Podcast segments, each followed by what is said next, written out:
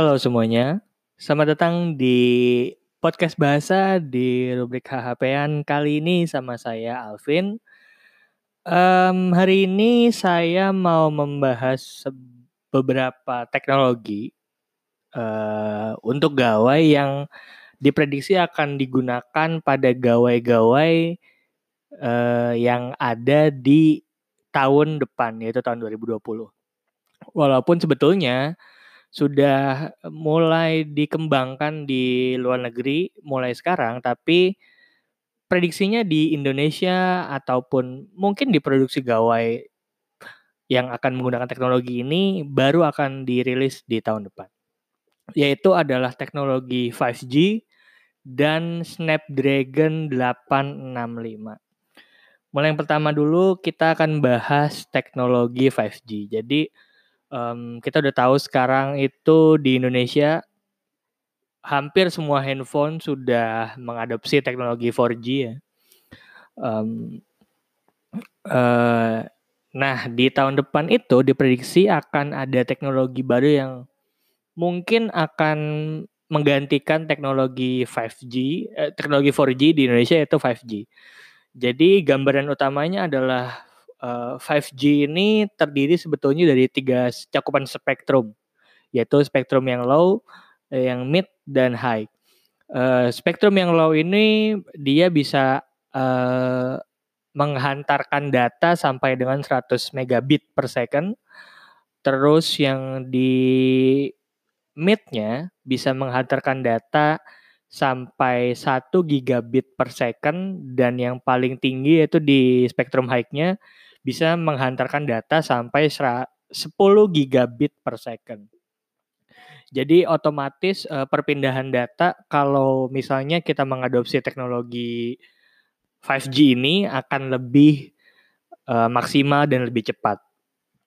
Nah, kalau misal uh, pertanyaan sekarang adalah apakah kalau misalnya Indonesia ini ingin mengadopsi teknologi 5G harus membangun uh, transponder baru atau harus membangun tower-tower baru? Jawabannya adalah mungkin bisa iya dan bisa enggak. Karena eh, teknologi 5G ini memungkinkan untuk ikut ke spektrum 4G yang sudah ada, yang sudah eksis. Jadi 5G ini bukan merupakan satu teknologi yang harus menggunakan tower baru atau menggunakan pemancar yang baru, tapi juga bisa menggunakan um, spektrum 4G yang sudah ada. Nah, terus lanjut ke penerapannya. Sebetulnya penerapan apa sih yang bisa um, kita gunakan pada teknologi 5G ini? Karena mungkin 4G pun kita udah ngerasa oke-oke aja, udah ngerasa cepet-cepet aja untuk sosmed dan lain-lain. Tapi sebetulnya 5G ini nggak cuma teknologi yang bisa ada di mobile phone kita, di handphone kita, tapi juga bisa mencakup teknologi yang lebih luas lagi. Salah satunya misalnya teknologi Internet of Things. Internet of Things itu konsepnya adalah ketika benda-benda yang ada di sekitar kita itu terhubung dalam suatu jaringan internet. Nah, ketika teknologi 5G ini kelak nanti akan rilis akan digunakan um, Internet of Things akan lebih mudah untuk digunakan dan lebih uh, imersif, lebih uh, mudah akses jaringan datanya gitu. Misalnya gini, um, di Jakarta sudah mulai ada teknologi tilang online. Nah, teknologi tilang online itu kan menggunakan data, menggunakan data internet ya.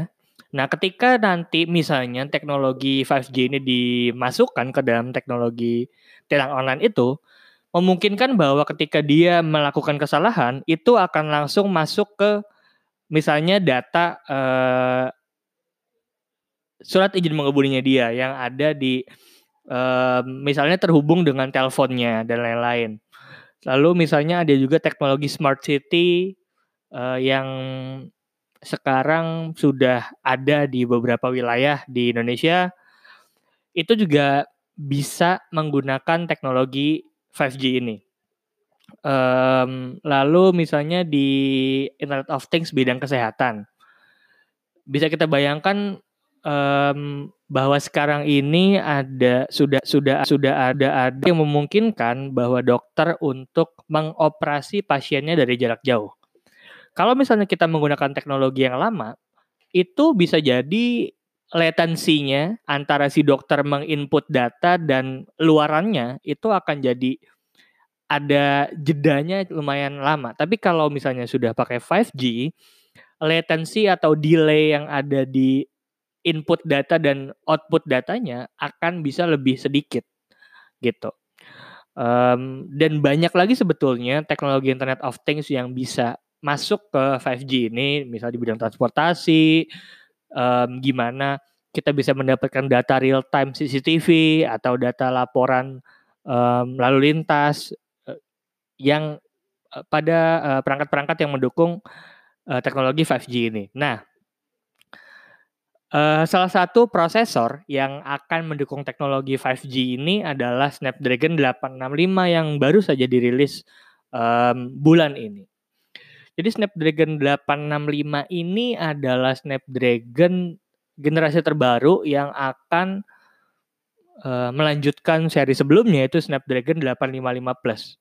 Snapdragon generasi terbaru ini akan pertama kali hadir di Mi Xiaomi 10, Xiaomi Mi 10.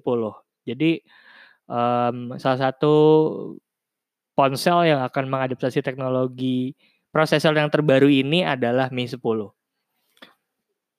eh, sekarang kita lihat uh, daleman yang ada di prosesor terbaru dari Snapdragon ini.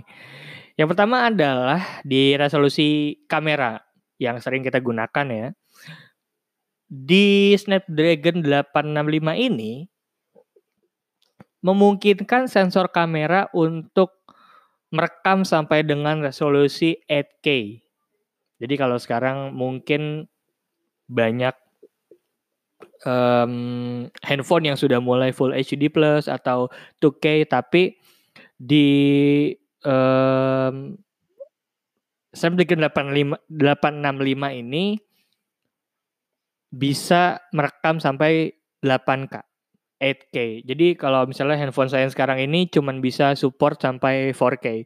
Tapi di Snapdragon 865 nanti memungkinkan untuk um, merekam video sampai resolusi 8K. Dan resolusi kamera yang bisa disupport oleh Snapdragon 85 ini adalah sampai resolusi 200 megapiksel. Jadi bisa kita bayangin sekarang kalau resolusi kameranya um, cuman 12 megapiksel, 20 megapiksel, uh, 48 megapiksel. Tapi dengan adanya Snapdragon 865 nanti memungkinkan ada handphone yang punya kamera dengan resolusi 200 megapiksel. Dan lainnya adalah uh, Snapdragon 85, 865 ini juga bisa uh, ngerekam video 4K uh, dengan resolusi 4K yang bisa support sampai 120 frame per second. Jadi kalau misalnya sekarang saya cuman di handphone saya misalnya uh, cuman bisa rekam 4K 60 frame per second tapi di resolusi di 8 uh, Snapdragon 865 nanti bisa sampai 120 frame per second. Lalu um, klaim lainnya dari Snapdragon adalah uh, CPU dan GPU yang nanti akan meningkat Uh, sampai 25% ya. Jadi CPU adalah core processing unit dan GPU adalah graphic processing unit yang ada di handphone yang ngurusin masalah grafik, ya masalah gambar, ya masalah game nanti gimana pengalaman kita nonton video, main game dan juga core processing unit yang ngurusin um, semua data-data dan semua input-input yang ada di handphone. Uh, selanjutnya bicara masalah grafik layar yang akan disupport pada Snapdragon 865 nanti juga bisa um, support sampai dengan 144 Hz. Jadi latensinya itu bisa minim sekali dengan layar yang sekarang. Kalau misalnya handphone sekarang mungkin cuman ada di uh, 60 60 Hz atau 90 Hz, mungkin seperti Realme XT kemarin yang 90 Hz atau enggak ROG Phone yang bisa 120 Hz, tapi dengan adanya Snapdragon 865 ini memungkinkan sebuah handphone memiliki uh, layar dengan uh, latency 144 Hz. Selanjutnya yang menjadi um, poin utama dalam Snapdragon 865 ini adalah pemrosesan artificial intelligence dengan adanya sub processing yaitu Spectra 480 ISP, GPU Adreno 650, Hexagon 698 prosesor dan CPU Cairo. Jadi um, artificial intelligence di handphone itu sebetulnya sudah mulai uh, banyak digunakan ya. Contohnya ketika kita misalnya akses fitur um, Google Assistant.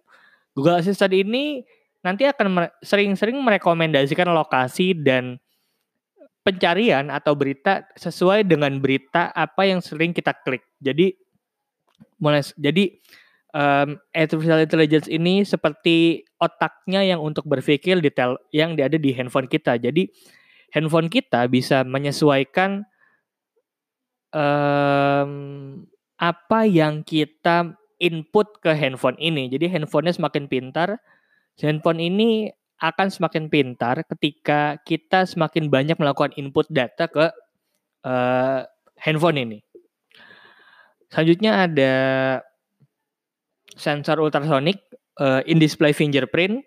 Mungkin sekarang sudah mulai banyak juga di uh, Realme XT, X2 Pro, lalu di Samsung S10, uh, eh, lalu di um, uh, Samsung A50s, A30s dan lain-lain. Um, sekarang di Snapdragon 865 ini uh, sensor fingerprint yang bisa disupport adalah sensor fingerprint 3D Sonic Max, sensor ultrasonic 3D Sonic Max yang mengklaim memiliki kecepatan 17 kali lebih cepat dibanding sensor in-display fingerprint sebelumnya dan mempunyai cakupan yang lebih besar juga. Jadi kalau misalnya sekarang kita cuma bisa uh, mendaftarkan uh, satu uh, satu ruas jari ibu jari untuk fingerprint, kemungkinan besok kita bakal bisa luas uh, cakupan kamera ultrasoniknya untuk menangkap fingerprint kita lebih besar menjadi dua ruas atau tiga ruas ibu jari. Jadi kita nggak perlu fingerprint terus di tempat yang sama, tapi agak geser dikit itu masih bisa ditangkap oleh sensor ultrasoniknya yang ada di Snapdragon 865 ini. Nah, eh, dengan teknologi-teknologi tadi yang sudah disupport oleh Snapdragon 865, Snapdragon 865 merencanakan akan rilis pertama di kuartal 1 2020. Jadi beberapa bulan lagi kemungkinan akan ada ponsel pertama yang akan rilis di uh, kuartal 1 2020 menggunakan Snapdragon terbaru yaitu Snapdragon 865. Oke, okay, um, itu aja tentang 5G dan Snapdragon 865. Semoga bisa berguna. Uh, terima kasih yang udah dengerin sampai saat ini. Uh, saya Alvin. Sampai jumpa lagi di podcast bahasa dan HHPan edisi selanjutnya.